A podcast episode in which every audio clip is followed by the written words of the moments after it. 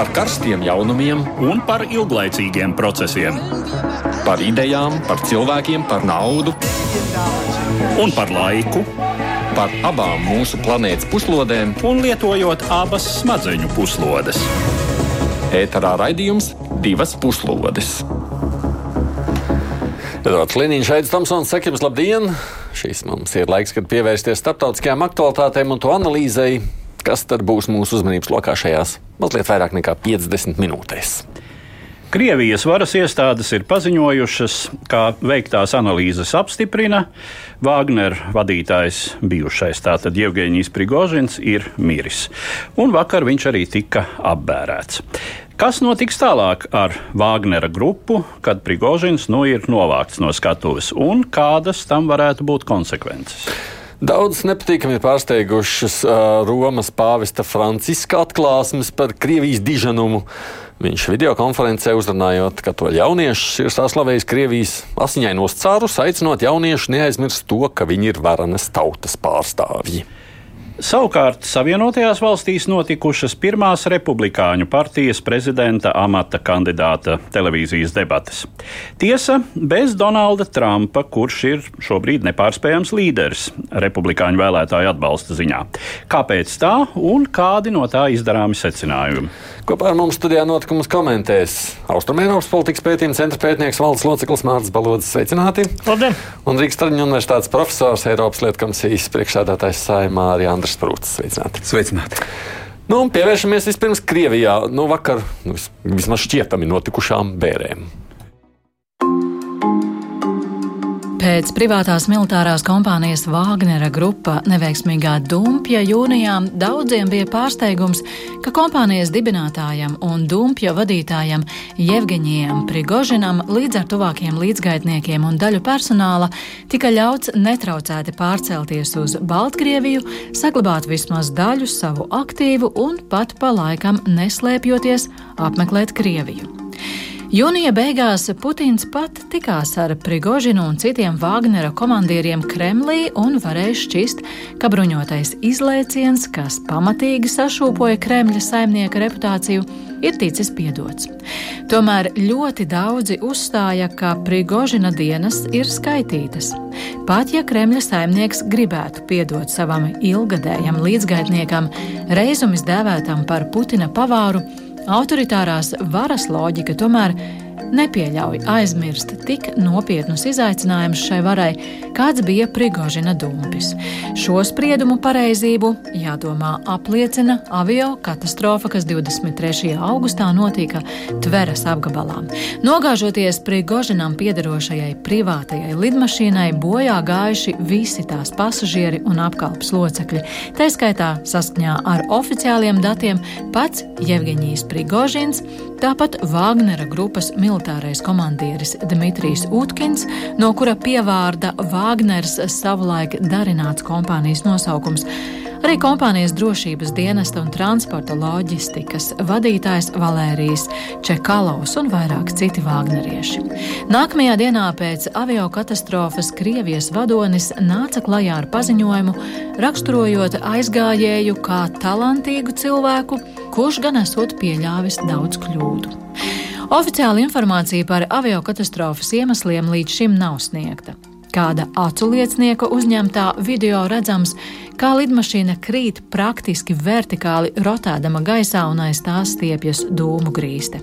Kā atzīst aviācijas eksperti, tas liecinot, ka avārijas iemesls ir eksplozija vai nu bumba lidaprāta iekšienē vai zenītraķete. Starptautiskā domnīca Open Minds Institute veikusi Krievijas iedzīvotāju tīmekļa aptauju, jautājot, kāds bijis notikušā iemesls. Tikai 8% aptaujāto domā, ka Prigožins un viņa līdzbiedri nogalināti pēc Putina pavēles. Vairāk nekā 17% uzskata, ka tas ir Krievijas spēcdienestu roku darbs, taču bez vadoņa akcepta. Vairāk nekā 10% vaino NATO valstu, vairāk nekā 7% Ukrainas spēcdienestus. Tikām vairāk nekā 28% paziņojuši, ka notikušais esot negadījums, bet vēl par procenta desmitdaļu vairāk ir to, kas tic, ka viss notikušais ir inscenējums, kas ļaus Vāgnera grupas vadoņiem nozust no publikas un iespējams arī varas iestāžu redzesloka. Un šī pēdējā versija nebūtu nav gluži fantastika, jo, kā kļuvis zināms pēdējā laikā, Jevgeņiem Prigožinam bijuši pat vairāki dubultnieki par viltotām identitātēm pat nerunājot. Kā norādījis izmeklējošās žurnālistikas resursa Bellingcat līdzstrādnieks Kristo Grozevs, šāda paša bojājies nospēlēšana būtu īsti Prigožina stilā. Tiešām tomēr darat, kad viņš ir inscenējis savu nāvi? Nu, to nevar izslēgt droši vien. viņam ir šādi tādi resursi, kas viņam varētu ļaut to darīt. Um, un jautājums droši vien ir par to, vai Putinam bija izdevies iemidzināt uh, viņa modrību. Uh, nu, tā tad, vai uh, cik lielā mērā Prigozins turpināja baidīties no Putina? Jo nu, baidīties viņam bija iemesls. Tas jau arī ir teikts. Jā. Nu, tātad, ja pirmajā vietā tajā stabiņa aptaujā rādās inscenējums, ko jūs domājat pārējie? Andri? Nu, Iespējams, būtu jāskatās, kurš no scenārijiem kam ir izdevīgs. Es teiktu, tā scenārijas, ka Putins par to nezināja, un tas bija Prigožins. Es domāju, ka tas nav izdevīgs īstenībā nevienam. Ne pašam Prigožinam, mm -hmm. protams, un arī ne Putinam, jo Putinam ir jāparāda to, ka viņš nosaka lietas, un principā tā kā šeit ir tik teikts par šo te bruņoto izgājienu, izlēcienu, nu, bija arī skaidri un publiski jāparāda, jānodemonstrē, ka par to ir jāsamaksā. Mm. Uh, respektīvi, tā kā es domāju, ka tas ir visticamākais, bet inscenējumu nevar noliegt, jo, vai nevar pilnībā izslēgt. Jo skaidrs, ka šeit ir Prigožina, zinām, veidā ir izdevīgi, ka viņš paliek dzīves un kaut kur spēja atrast varbūt kaut kādu citu, ja tā var teikt, māju vietu. Bet tas būtībā ir izdevīgi arī, nu, vismaz varētu tā domāt arī Putinam, jo viņš tikai parādīs savu netiešo spēku un jautājumu par to, ka viņš tomēr lietas kontrolē, nekas piedots netiek. Tātad ar, ar Putina ziņu vai nu inscenējums, vai ar Putina ziņu nogalināts. Nu tā. Es teiktu, šie divi scenāriji. Divi scenāriji. Es varu tikai piekrist un, un atkārtot mm, būtībā jā, to, ko, ko nu pat dzirdējām, ka, diemžēl, bet nevaram izslēgt versiju, ka, ka tā ir kaut kāda veida teātris spēlēšana. Protams, jau Prigožins ir galvenā iesaistītā vai precīzāk ieinteresētā persona. Bet no tā, zināmā mērā, jā, ieguvējis vai vismaz ieinteresēts būtu arī Putins, jo tas pirmkārt atļauj šādā veidā vismaz atbrīvoties zināmā mērā no problēmas, bet vienlaikus arī radīt šo auru par to, ka lūk, viņš ir ļoti brutālā, visiem uz, uzkrītošā un uzskatāmā veidā atrisinājis šo problēmu. Tāpēc, diemžēl, izvairīties no tā nevaram, bet, bet es tomēr vairāk lieku uz to, ka tas nav teātris. Ka tu tomēr ir nogalināts, jā. Bet beig beigās, nu, tad, kur tad mēs kādreiz uzzināsim, kā tas tur ir noticis vai nē? nu, tas ir tādā līmenī, vai mēs kādreiz uzzināsim, vai Hitlers izdzīvoja.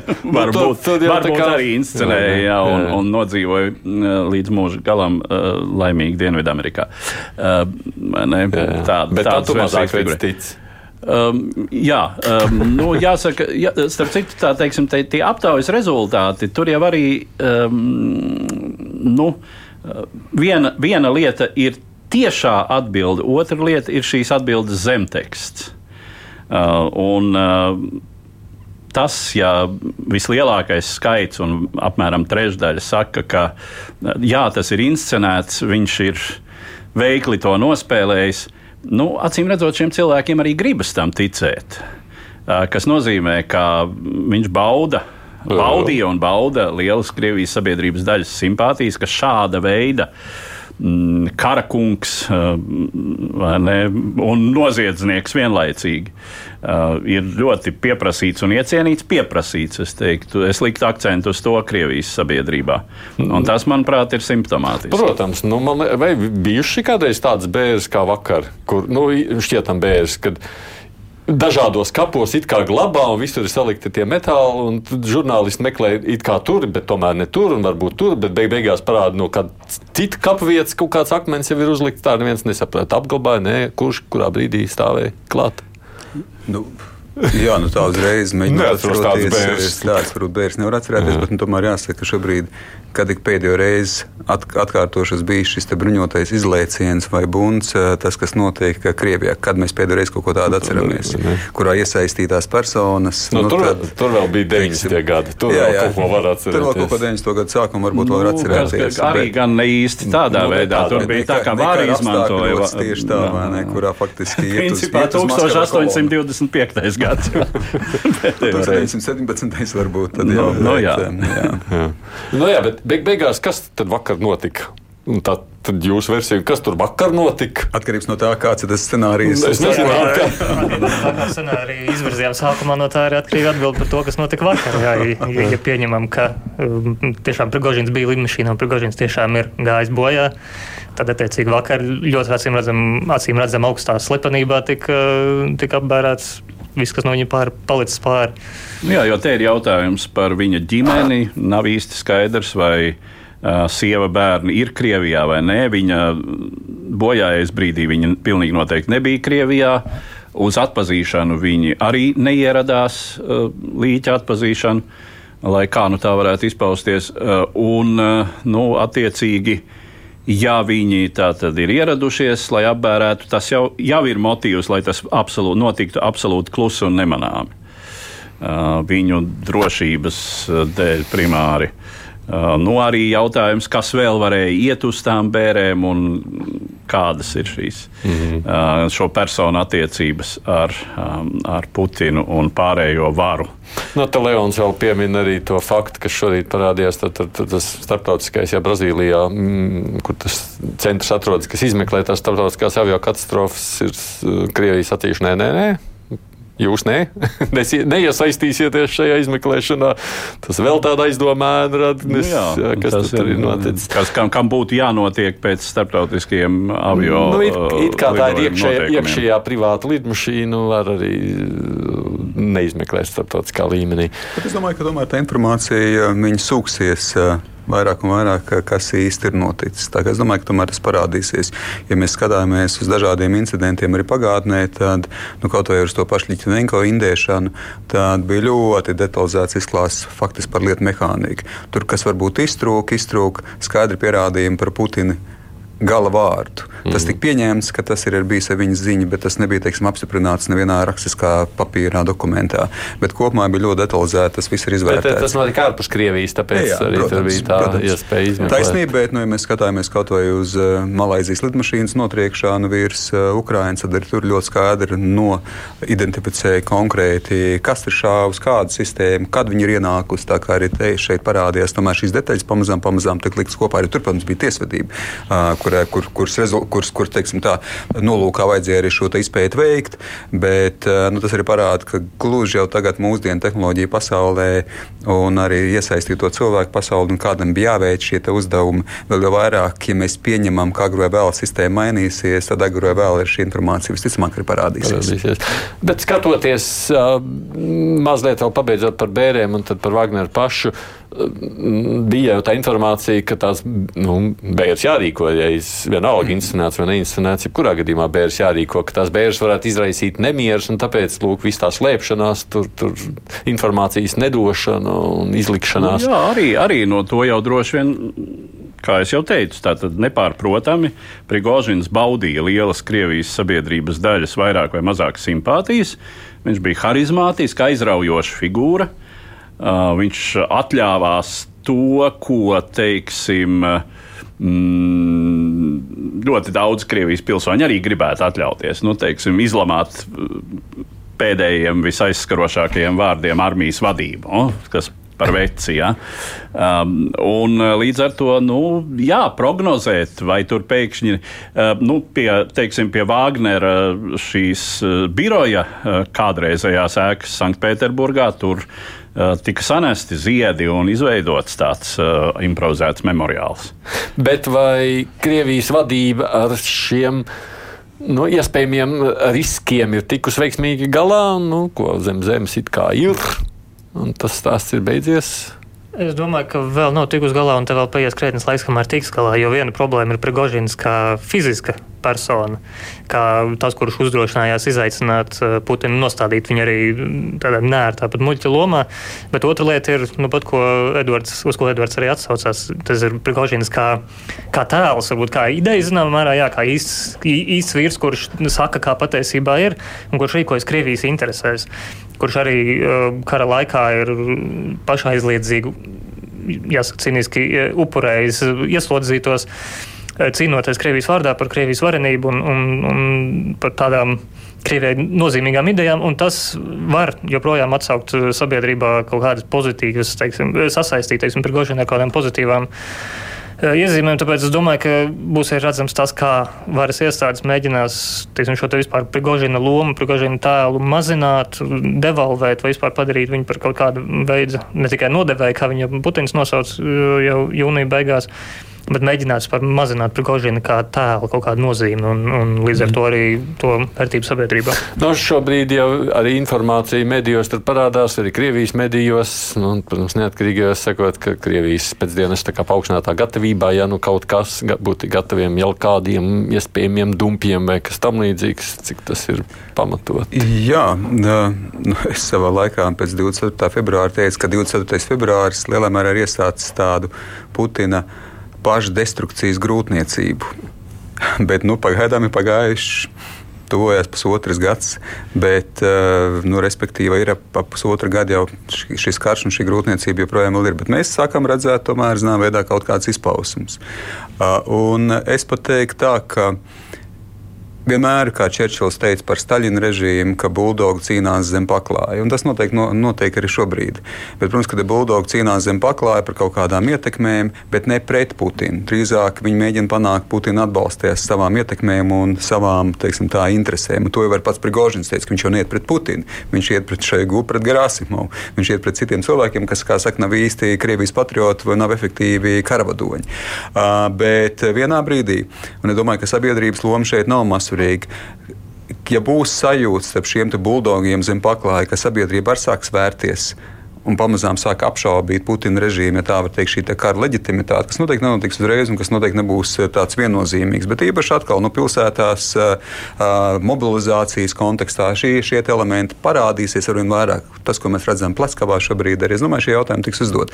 Tādā brīdī jau noteikti sāks tomēr arvien vairāk un vairāk domāt, kas ir pēc Putina. Un tad sāc domāt, kas ir pēc Putina, kas pat par sevi jau doma ir riskanta. Bet tomēr tajā pašā laikā tu jau sāc domāt par kaut kādām aliansēm, par to, kāda tā lieta mehānika, kā nodrošināt savu vietu pēc Putina teiksim, režīmā.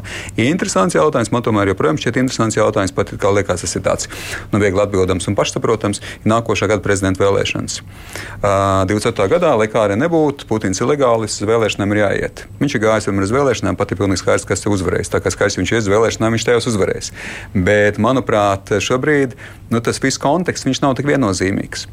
It kā no vienas puses viņam ir jāiet, jo viņš nevar nenozīmēt kādu citu kara apstākļus, bet tajā pašā laikā, nu, tagad es domāju, ka arī pašā Krievijā ar pēdējā gada notikumiem, ar pēdējā gada attīstību, viņš ir faktiski iznīcinājis to ekonomisko attīstību un labklājību, ko viņš ir būvējis 20 gadus. Tā kā liela daļa no viņa uzticības un teiksim, leģitimitātes pilāri ir no sabrucināti. Tas nevar pārspīlēt, jā. bet šie procesi notiek. Un skaidrs, ka mēs nevaram atbildēt precīzi, kādu un kā, bet man šķiet, ka tomēr es joprojām pieturēšos pie šīs destrukcijas vai pašdestrukcijas grūtniecību, ka tā tomēr viņai ir potenciāls izpausties Negluži arī ļoti ilgstošā periodā. Es par Krieviju vienīgais domāju, tur nav svarīgi, vai ne, kurš kā balsos, vai arī kā saskaita balsos. Protams, protams. Jā, bet, un, bet te ir viens moments, ka līdzšinējās vēlēšanās Putins varēja būt puslīdz drošs par to, ka viņam vēlēšana rezultāti ir jāpie jākoriģē, jāuzpucē, ka arī bez tiešām manipulācijām lielākā elektorāta daļa balsoja par vienoto Krieviju, balsoja par Putinu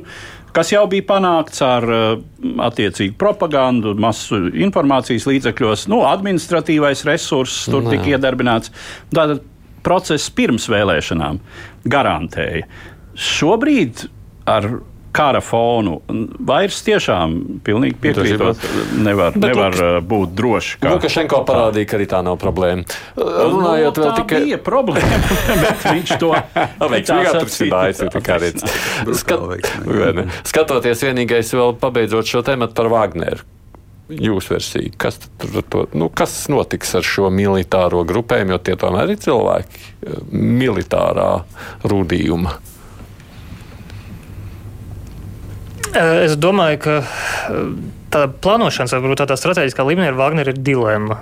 Jo no vienas puses Kremlim, Kremlim ir vajadzīgs kaut kas Wagneram līdzīgs. Un viena no Wagnera stiprākajām pusēm ne tikai ir tas resursu apjoms, kas viņam ir arī cilvēku resursi, bet arī brands. Uh, Un tā skaitā ne tikai Krievijā, bet arī ārpus Krievijas. Brands nav nekas, ko nevar aizvietot, bet to pavisam noteikti nevar nopirkt. Tajā pašā laikā arī Wagner, kā pastāv ne tikai kā organizācija, bet arī zināmā mērā ir šis Wagner nosaukums, kas tiek saistīts arī ar pašu Prigožinu. Un tas nevienmēr uh, Kremlim varētu būt arī labi uh, uzturēt, teiksim, vai pilnībā pārņemt uh, Wagner kā organizāciju, saglabāt nosaukumu. Paturot prātā to, kur Vāģnerieši atradās pirms diviem mēnešiem, kad gal galā ir st- starpniecība. Uh, Putnam tika mests izaicinājums, tāpēc es drīzāk sagaidītu, un vispār jau kas arī pēc, pēc jāņem sākās, teiksim, arī Krievijas aizsardzības ministrija sāk mēģināt pārvilināt Vāģneriešus. Tos, kurus, protams, izdodas pārvilināt ne visus, jo daļa no viņiem ir personīgi lojāli. Uh, bija pareizāk, personīgi Nā, lojāli. bija. Nu, nu jau jāsaka, bija personīgi lojāli Prigošinam. Bet kopumā es domāju, varas iestādes mēģinās nacionalizēt un pārņemt Wagneru, cik tālu tas būs iespējams, kas nebūs iespējams. Iespējams, arī viņus izformēt, iespējams, varbūt pat piespiedu veidā. Es domāju, tur ir gan daudz nenokārtot rēķinu. Pavisam īsi, jā, es domāju, ka tieši tā, ka tas process šeit notiks, bet kopumā Wagnera veidīgas organizācijas Krievijā paliks un tās tiks izmantotas. Tās vienmēr bijušas pietiekoši efektīvas, pietiekoši labi izmantojamas. Uh, Āfrikas zelts arī vajadzīgs. Tieši tā, uh, nu ne tikai. Arī politiskā ietekme, arī apvērsumi, arī mēģinājumi izspiest, kā saka, Šodien savu pretinieku ārā. apvērsums, šodien kārties apvērsums Āfrikas valstī, Jā. kurā tur bija tagad. Gabonā. Gabonā, jā. Tā- tā, kā, tā, tā kā šeit es domāju, ka iespēja, iespējas eh, tā Wagner veidīgām organizācijām pastāvēt ir. Tur, kur tas risks ir, ka šobrīd. Tajā brīdī, kad īstenībā nav skaidrs, kas notiek ar Wagneriešiem, ka Krievija var izmantot to pašu spēli, ko viņi izmanto ļoti ilgstoši, ka faktiski viņi jau neko par Wagneriešiem īsti nezina, viņi nekādā veidā viņus nekontrolē. Un te es tomēr zināmā veidā nu, nedaudz iede- iededzu uh, tādu negluži sarkano gaismu, bet oranžo brīdinājumu gaismu arī attiecībā šeit reģionā, jo tomēr tie Wagnerieši, kas ir Baltkrievijas, negribētu pārspīlēt apdraudējumu, bet tomēr kā risks, ka Krievija var pateikt, ziniet, mēs jau īsti par viens viņus nekontrolējam. Uh, šeit tāds, teiksim, šāds scenārijs, viņš pastāv, es negribētu pārspīlēt, bet kopumā Krievija ļoti ilgstoši ir atteikusies no Wagneriešiem, ka viņi viņus nekontrolē. Un es domāju, tas ir bijis arī viens no pietiekoši izdevīgiem instrumentiem. Uh, sēt, neskaidrību, kāda ir Krievijas nostāja, kas tad ir šie cilvēki. Nu, klasikā, klasiskā maskirovka vai ne, kurā tad īsti mēģinājām signalizēt, ka mēs īsti nezinām, ko šie cilvēki dara. Un tas šobrīd šajā pārējais posmā, es domāju, ka šeit šie riski parādās. Jā, nu, liela daļa pilnīgi noteikti pāries vai nu Krievijas aizsardzības ministrijas vai valsts uh, federālā uh, drošības dienesta dibinātu līdzīgu struktūru rīcībā, noslēdzot attiecīgus līgumus. Atgādināsim, kā ar to jau sākās Wagner grupas beigas, kad tika pieprasīts, lai viņi visi noslēgtu līgumus, vismaz tie, kas karo Ukrainā, lai noslēgtu līgumus ar Krievijas aizsardzības ministriju. Bet, jā, būs kaut kāda daļa, un te ir, te ir faktiski divas daļas. Viena ir šie no cietumiem izvilktie uh, kriminālisti. Un tā nu ir, uh, domājams, nākotnē milzīga problēma, kas, kas vēl sāsinās nu, pēc katra kara, pēc katra militāra konflikta. Uh, ir šī cilvēku kategorija, kura vairs nespēja pielā- pielāgoties mierīgai dzīvei. Bet šeit šim faktoram vēl klājas pāri kriminālā pagātne un vispār jau ievirze uz vardarbību, uz noziegumu kā tādu. Tagad šiem cilvēkiem būtībā ir parādīts, ka to visu var darīt legāli. Viņi ir pamācīti vēl to darīt legāli, un pamācīti, viņiem ir pamācīta arī tehnika. Uh, nu, attiecīgi, tas ir elements, uh, ar kuru Krievijas sabiedrība ir inficēta. Tur, tur būs milzīgas problēmas, to, to jau var lēst. Un ir kaut kāda daļa šis, no šī profesionālā kodola, kas arī nepāries Krievijas struktūra rīcībā. Tur, jā, varbūt es pat nu, teiksim, par šiem, kas Baltkrievijā nav, nav pat īsti pēdējās nedēļās dzirdēts par viņiem, nekas, vai viņi tur vēl ir, vai viņi tur vairs nav. Uh, bet uh, būs kaut kāda daļa, kas kļūs par uh, nu, šiem brīvajiem strēlniekiem, par Eh, cilvēkiem, kur būs gatavi mm, slepkavot profesionāli mm, tam, kurš par to vislabāk maksās. Eh, un eh, līdz ar to nu, tas ir riska faktors sevišķi jau jā, Krievijas tuvākajām kaimiņu valstīm. Par Krieviju runājot, daudz acis, daudz acis šajā dienā pavērsušās arī Vatikāna virzienā, jo tur negaidīti ir izrunājies pāvests Francisks.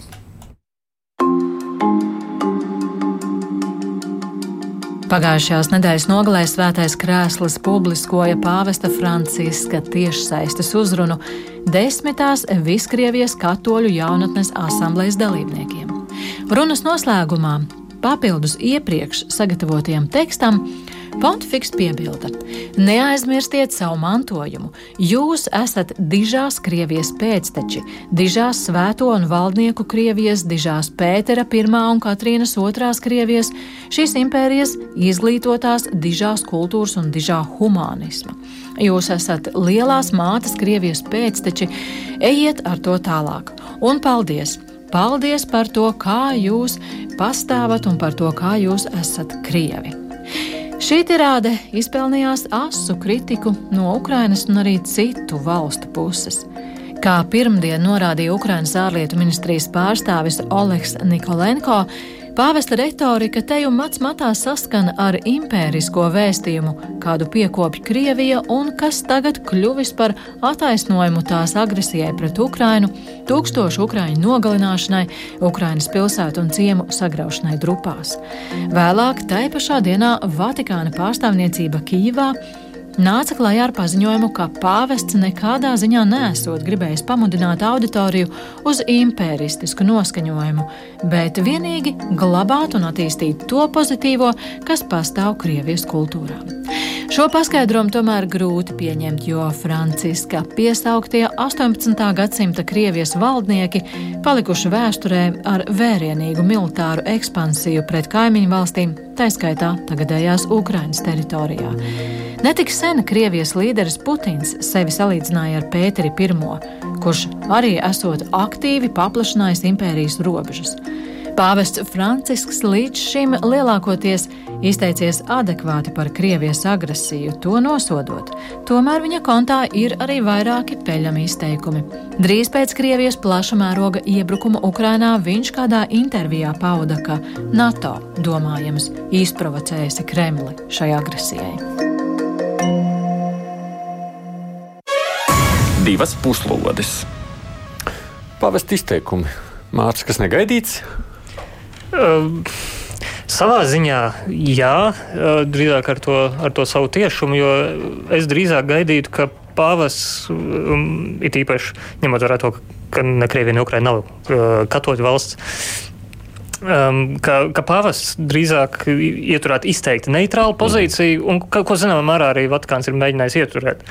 Bet tajā pašā laikā, laiku, laiku pa laikam, pavīd šādi interesanti teiksim, tā, um, paziņojumi kur reizēm tiešām pat vārds vārdā atbalsto sentimentu, kas, kas arī mūsu informatīvā telpā nu, jau krietni retāk, bet vienalga laika pa laikam nonāk, īpaši no austrumu puses, jā, par lūk, Krievijas īpašo vietu vai par, par NATO vainu. Viņš skatās droši vien Krievijas televīziju.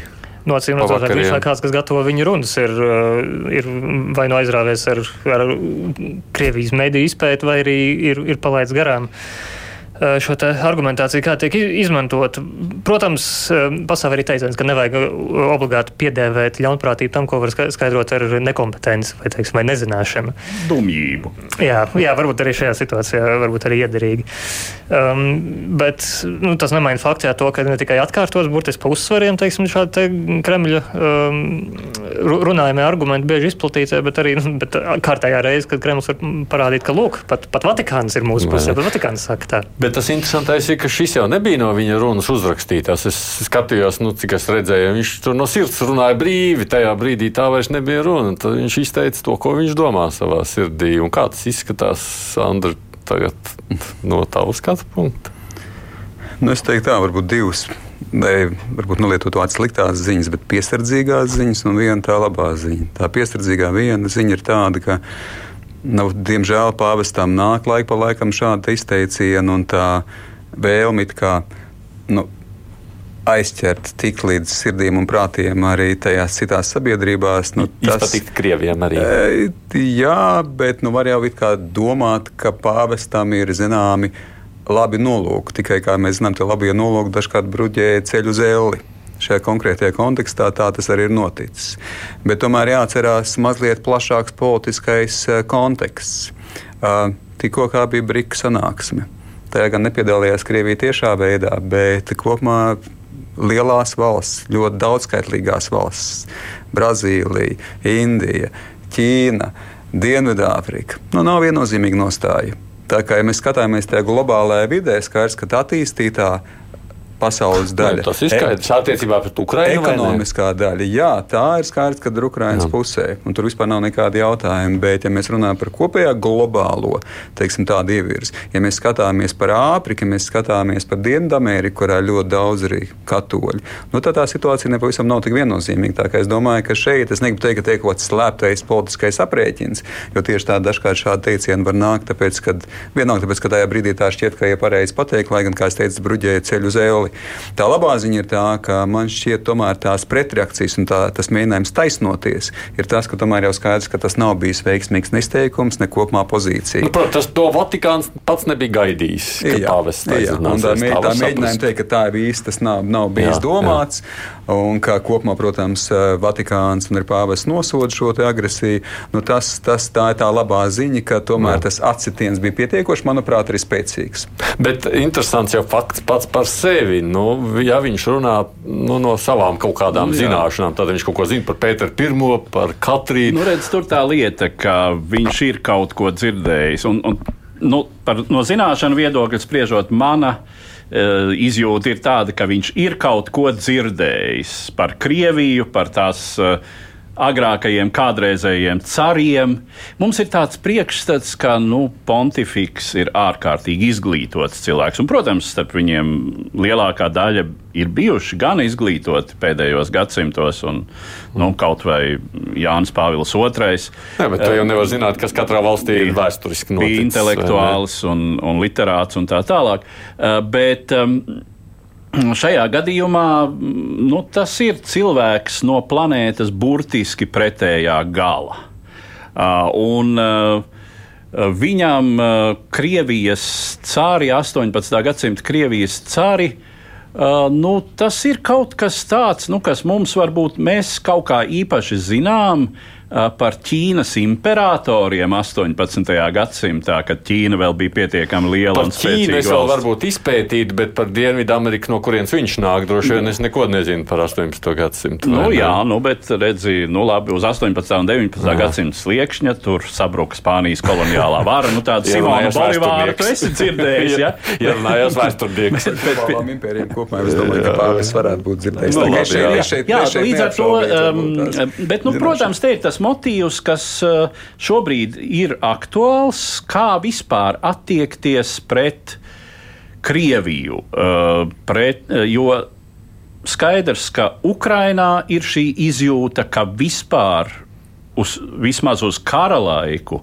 mēs izsvītrojam Krieviju arī kultūrālā nozīmē. Un aizmirstam arī par Tolstoju un Dostojevski uz to periodu, arī par Čaikovski un Repinu jā, jā. un, un Jāgiļevu un visu pārējo.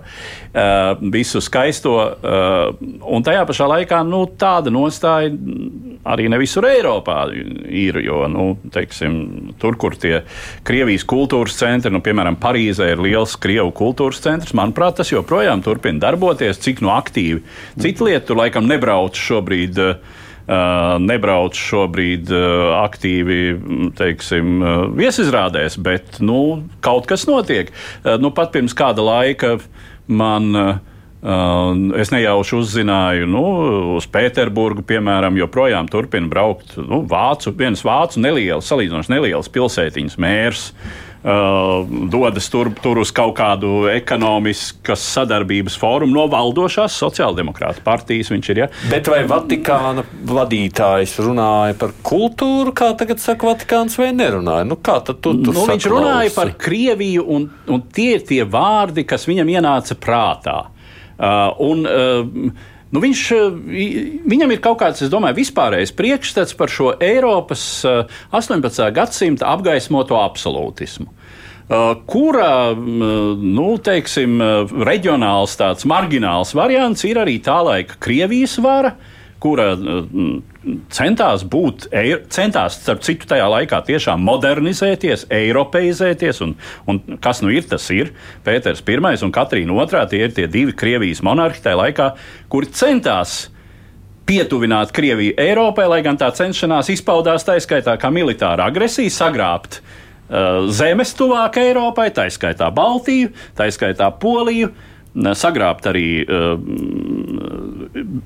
toreizējās Turcijas sfērā esošās, tas ir jau Melnā jūra, ja, šī, šodienas Ukraina. Nu, īsāk sakot, viņam droši vien ir priekšstats, ka um, lūk, šie, šie monarhi ir virzījuši Krieviju pareizā virzienā. Kaut kā tā. Nu, labi, lai arī kāds būtu tās viņa vēstures zināšanas, es jau saprotu, ka tās pāvesta, nu, es pieļauju, ka viņš to savu kaut kādu sūtību vai jēgu redz tajā visā, nu, ka viņš ir tāds miera nesējs, vai ne, ka viņš ar visiem grib būt, nu, tā kā labs, lai, lai, lai palīdzētu Un šis ir tāds, nu, tāds centiens nu, tā patikt Krieviem, lai tieši arī tā. viņā ieklausās. Jā? Es domāju, ka tieši tā. Es domāju, kā es teicu.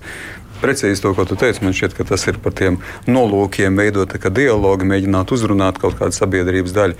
Es kā vēsturnieks, protams, varētu ļoti garu un plaši aprakstīt 18. gadsimtu, bet nu, kaut kādā veidā jau pat daļēji tieši ko Edvards teica, ka Pēters I, kā zinām, veidā rietumnicisko tājas kaut kādā izpratnē, vismaz tehnoloģiskā, kā Katrīna otrā, kā vāciet pēc izcelsmes, nu, zinām, veidā parādīja to piedarību pie arī tā skaitā Eiropaiskās rietumas. Es nedomāju, ka tur pat tas slēgtais signāls visā tā ir, bet kopumā man šķiet, ka tur bija tā doma, tas nolūks varbūt nu, kaut kā aizsniegties un teikt, ka taču mums ir jābūt dialogā. Bet vēlreiz atkārtošu šajā konkrētajā mm. kontekstā, nu šis nolūks bruģē ceļu uz ēlu. Es domāju, ka tur nav ko īpaši par daudz apspriest. Tā ir tā, tā problēma, ja, ka šajā kara laikā tā īsti vairs. Nu, Nu, tu, tu, tu nevari vienkārši mēģināt visu samierināt ar mīlestības vārdiem. Redz, mēs visi esam. Es domāju, ka mīlestībai, mīlestībai rokas ir par īsu šādā situācijā. Neatkarīgi no tā, pat ja šīs mīlošās rokas nāk no Vatikāna, ar to vienkārši ir par maz kara laika. Bet vai vispār Vatikāns var būt par kaut kādu, jau kādu nu, palīgu šajās attiecībās, kāda šobrīd ir starp Krieviju un Ukrainu, tavuprāt? Es domāju, ka nē. Es domāju, ka šobrīd vienīgais, vienīgais, kas varētu kaut kā veicināt šo attiecību, attiecību maiņu, viņi ir Kijava un Maskava. Precīzāk, pat Maskava vairāk nekā Kijava. Tā ir uzvedības vispār skatījuma maiņa Maskavā, konkrēti Kremlī. Mm. Tur es varbūt mazliet tomēr es, es, es gan pats teicu, ka principā jāliek punkts par pāvesta sarunu, bet vienlaiks, protams, domas rosās. Te man nāk prātā Staļina teiktais, mm. kad viņš prasīja, kas, ko tas pāvests no sevis iedomājas, cik viņam ir tās tanka divīzijas. Nu, principā pāvestam tomēr ir teikšana par milzīgu teiksim, tā, par mil, milzīgu apjomu sirdīm un prātiem, daudzskaitlīgā cilvēku kopienā visā pasaulē. Un tāpēc bet vai Krievijā te... un Ukrainā tik ļoti? Jā, bet tomēr te ieklausās un beig beigās jau to globālo spiedienu vai tie balsojumi arī apvienotās nācijās, tie būs konkrēti valsts un sabiedrība lēmumi, kurā patiesībā pāvesta vārdam ir diezgan liela leģitimitāte. Nu, Ilz man raksta secinājumā, viņi saka, ka šajās dienās arī Vācija izteiks šoku par tomēr ļoti lielajiem Krievijas propagandas mērogiem. Te ir rezultāts. Daudz militāri analītiķi arī ir atzinuši, ka Krievijas propaganda visnotaļ visnotaļ veiksmīgi strādā arī uz rietumu prātiem. Nu, kaut, kādu, kaut ko jau viņš tur ir lasījis un salasījies, kāpēc viņam tur tās domas tādas bija. Jā, bet nu, es droši vien arī piekrīstu, ka sava loma uh, var būt, bet. Uh, Tas, kas šobrīd rada šaubas, ir uh, pašreizējā pāvesta potenciāls. Uh, acīm redzot, savas uh, informētības un izpratnes līmeņa dēļ. Tā, par ko mēs šeit runājam. Mums ir vēl viens temats, par ko gribam šodien runāt, un dodamies pāri okeānam uz Amerikas Savienotajām valstīm. Pagājušās trešdienas vakarā astoņi potenciālie Savienoto Valstu Republikāņu partijas prezidenta kandidāti stājās publikas priekšā debatēs, kas telekanāla Fox News organizētas notika Viskonsīnas štata lielākajā pilsētā Milvoki.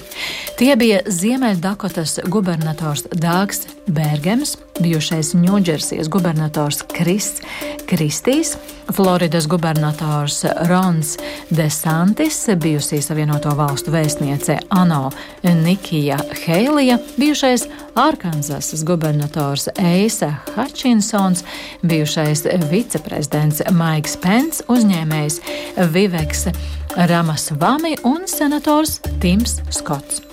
No vienas puses, viņi visi ir otrā ešalona pretendenti, kuru reitingi tālu atpaliek no partijas favorīta, eksprezidenta Donalda Trumpa, kurš uzskatīja par pareizāku šais debatēs nepiedalīties.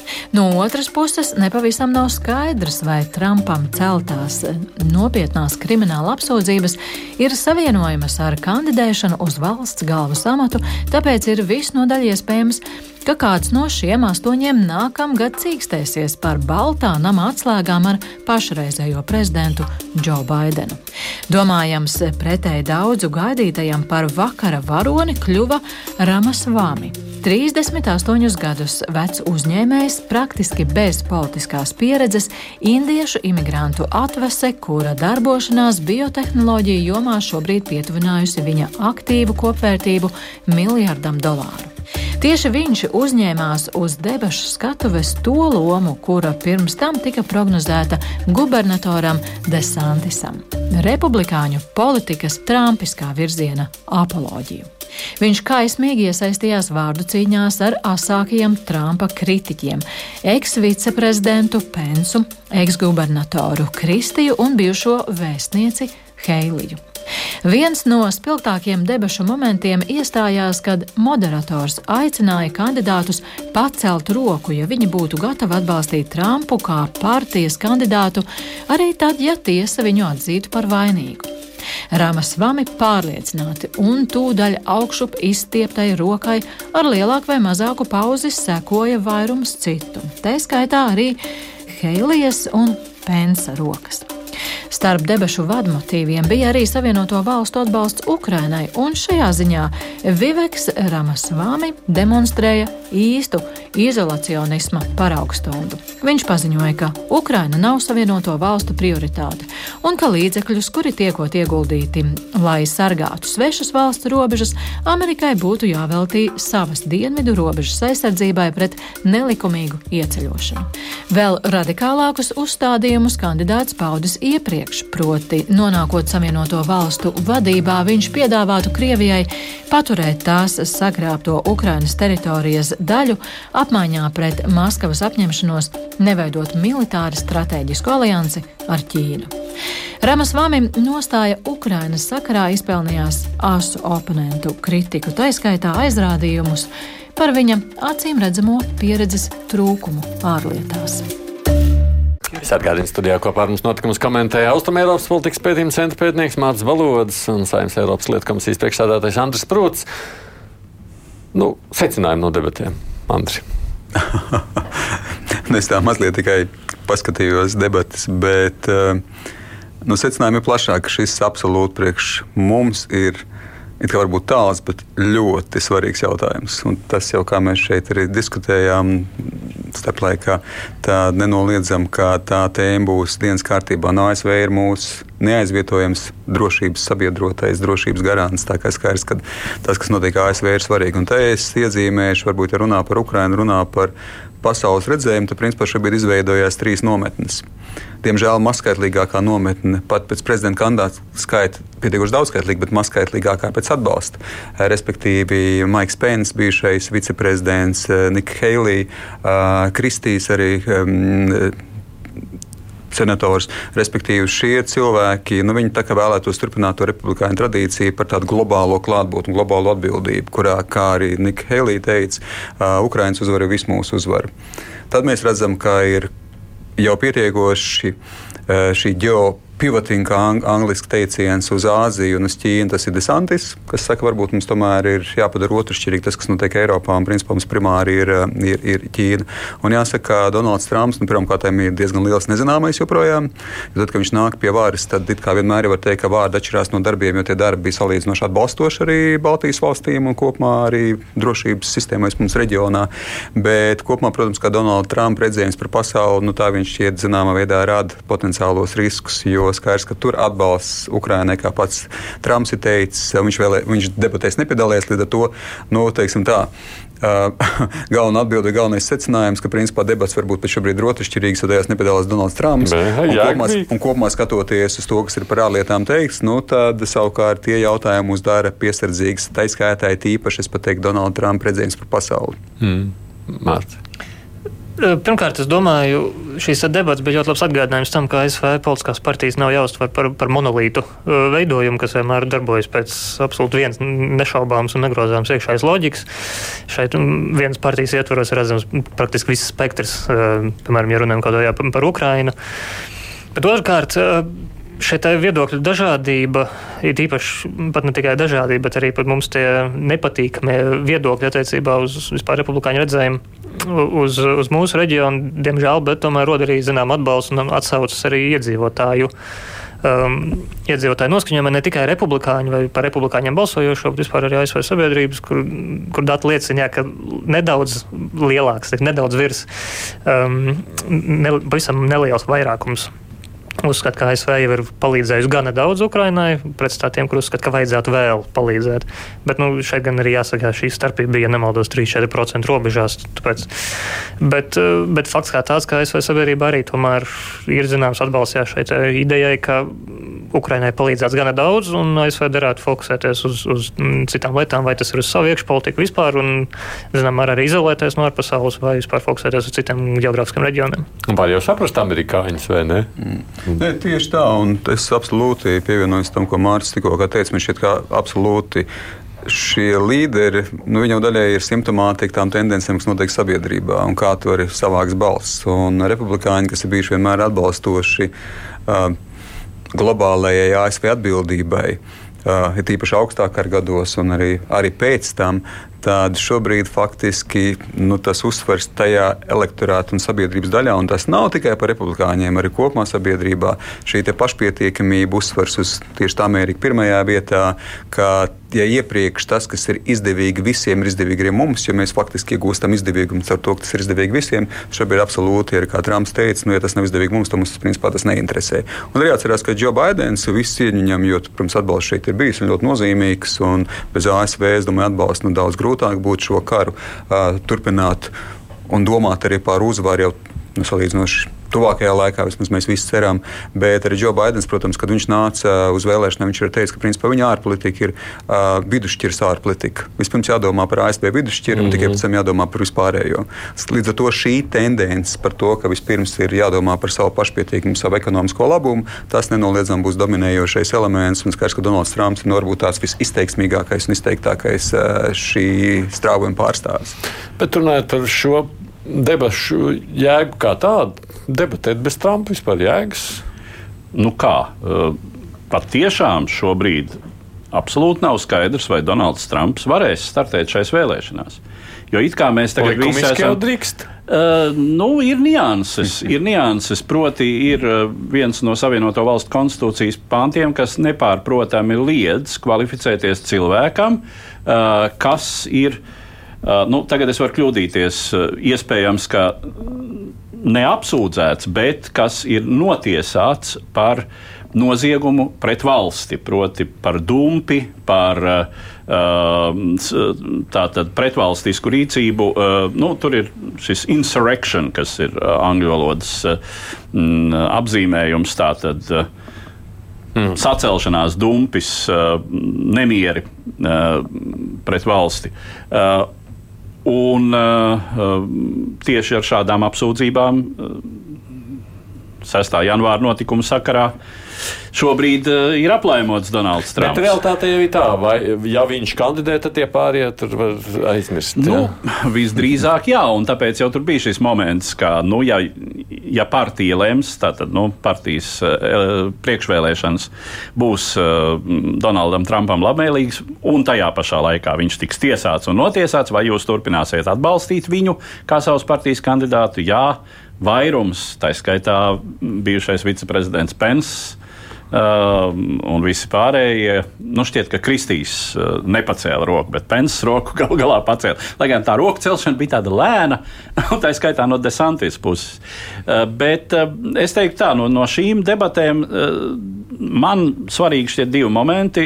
Pirmais ir republikāņu elektorāts nav viennozīmīgi trumpisks, tomēr jā, varbūt vairākums tur ir ar šo tendenci. Uh, un uh, visdrīzāk tas uh, zelta vidusceļš, tas viduspunkts, tas ir šobrīd uh, desantis pozīcija, kas ir, uh, kurš ir otrais populārākais pēc Trumpa. Uh, un kuram tas ir to indiešu izcelsme, tā taču cenšas. Uh, jā, nu viņš cenšas, bet nu viņš, ir, viņš, viņš lūk tiešām ir radikāls. Lūk, tur varēja redzēt, ka cilvēkam tā savienoto valstu pagātne, tas 20. gadsimts, kad savienotās valstis ir glābušas divreiz Eiropu no totalitārisma, nenozīmē praktiski pilnīgi neko. Tā ir nulle. Bet, nu, teiksim, Santisam tomēr tā nostāja, mēs turpināsim, bet mēs piespiedīsim mūsu Eiropas mm. partnerus. Un galu galā tas nemaz nebūtu tik slikti, ja Eiropas partneris, kuri ekonomiski ir spējīgi, bet uh, negrib. nu, tā gluži varbūt, ka Eiropas komisijas vadītājs tomēr man mazliet jā, jā, jā, jāiestājas Eiropas aizstāvībā. Kopumā Eiropa ir devusi finansiāli, ekonomiski un militāri kopā vairāk nekā ASV. Militāri, protams, kad ASV tur ir absolūti pārsvars, bet ja kopumā mēs saskaitām visu finansējumu, kas ir dots, tad Eiropas, Eiropas valsts ir devuši ļoti daudz. Nu, jā, piebildu vietā. Bet skatoties uz Amerikas perspektīvu, tagad nu, arī to, ko tur rāda pašreizie aptaujas dati, tad tas jūsu noskaņojums ir piesardzīgs, pesimistisks, optimisms pilns? Optimismā man šķiet, ka jā, jābūt, optimismam jābūt uzmanīgam. Tā kā varbūt uzreiz nevajag pesimismā krist iekšā, jo arī runājot par to pašu Trumpu, nu, tomēr četros gados, ja mēs atskatāmies, nu, nav jau tik viegli izmainīt arī šo milzīgo kuģi, kur ASV tajā globālajā vidē ir bijusi. Un tomēr arī zināmā veidā tā interese ir būt klātesošiem, ir būt globāliem. Tā kā tur pat, ja tev ir zināms redzējums par lietām, un atkal tu vari uzvarēt savas partijas nomināciju ar pietiekoši radikāliem izteikumiem, bet beig beigās, lai uzvarētu paredzēt kopējas vēlēšanas, jau savukārt jāpietās uz vidu. Un, e, respektīvi, tā kā šeit arī šie dažādie posmi var atšķirties. Lai gan atkal es esmu piesardzīgs kopumā, protams, mm -hmm. man tomēr jāatzīst tieši par Donaldu Trumpa prezidentu. Es domāju, ka es būtu ļoti piesardzīgs, bet kopumā es reiz negribu teikt, hops, ka nu, te ir tikai pamats pesimistiskiem scenārijiem. Bet Ukraiņa taču turpinās karu vienalga, ar vai bez Amerikas palīdzības. Tā nebūs. Uh, Ukraiņi ļoti labprāt gribētu uh, garantēt savu tādu iespēju, bet atkal ir tas apsvērums, ka ka ASV ir ļoti svarīgs uh, vispār atbalsts sniedzējs. Runa nav tikai par militāro atbalstu, bet arī par politisko atbalstu. Saprotams, ka Ukrāņi būtu gatavi cīnīties, kamēr noliktavas ir pilnībā tukšas. Taču, piemēram, ja ASV vienpusēji lemtu samazināt vispār atteikties no atbalsta, jo runa nav pat tikai par tehnikas sūtīšanu, bet arī izlūku informāciju kas Ukraiņai ir principā kā gaiss nepieciešama. Un, tīsim, ja ASV atkāptos no šādām iespējām, tad Ukraiņas spējas mm, pat, ne, pat nedoties pretuzbrukumā, bet turēt aizsardzību, tīpaši ilgstoši, būtu ļoti apgrūtināts. Jebkurā gadījumā tas, kāds būs tas rezultāts nākošā gada, kad tur viņam novembris. Nākošais gads, jā. jā novembris. novembris. No, no tā būs ļoti daudz kas atkarīgs, kas ietekmē beig beigās arī mūsu katru. Mm -hmm. Um, es domāju, man ir minūte līdz raidījuma beigām. Neko jaunu vairs nejautāšu citādāk. Es tāpat jūs nevarēšu apturēt. Rīgas Traģiņu universitātes profesors, Eiropas lietu komisijas priekšsēdētājs Saimā Andris Sprūds bija šeit. Jā, paldies. Nāca, un savukārt Mārcis Balodis ir valdes loceklis un pētnieks Austrum Eiropas politikas pētījuma centrā. Paldies tev! Paldies! Uh, bet pirms es atvedos kopā ar Eduārdu arī no jums klausītājiem, Edvards, tev ir kas pareklamējams vēl Latvijas raidījumā viens ēterā. Paldies, Aidi, par šo iespēju. Tātad rīt, kā katra mēneša pēdējā ceturtdienā, pēc pulksten trījiem raidījums Kas būs ar Krieviju? Un Krievijas nākotnes iespējamos scenārijus mēs šoreiz iztirzāsim kopā ar politologu un politiķu Eiropas parlamenta deputātu Ivaru Ijabu. Mm. Kas nozīmē šajā pašā raidlaikā, kas skan Latvijas radio viens, tikai, tikai rīt. rīt. Klausieties, Eduārdu joprojām runājot arī par ārpolitikas aktivitātēm. Nu, tātad studijā mēs bijām. Edvards Liniņš, Naidis Tomsons, producēja raidījumu Evi Junām. Nu, kā jau mēs te pieminējām, visticamāk, tīpaši par Amerikas Savienotajām valstīm mēs vēl daudz runāsim. Gan š, droši vien pat vēl šogad, un nākošais gads pilnīgi noteikti. Tiekamies atkal ētrā pēc nedēļas, sekojam līdz aktualitātēm. Divas puslodes!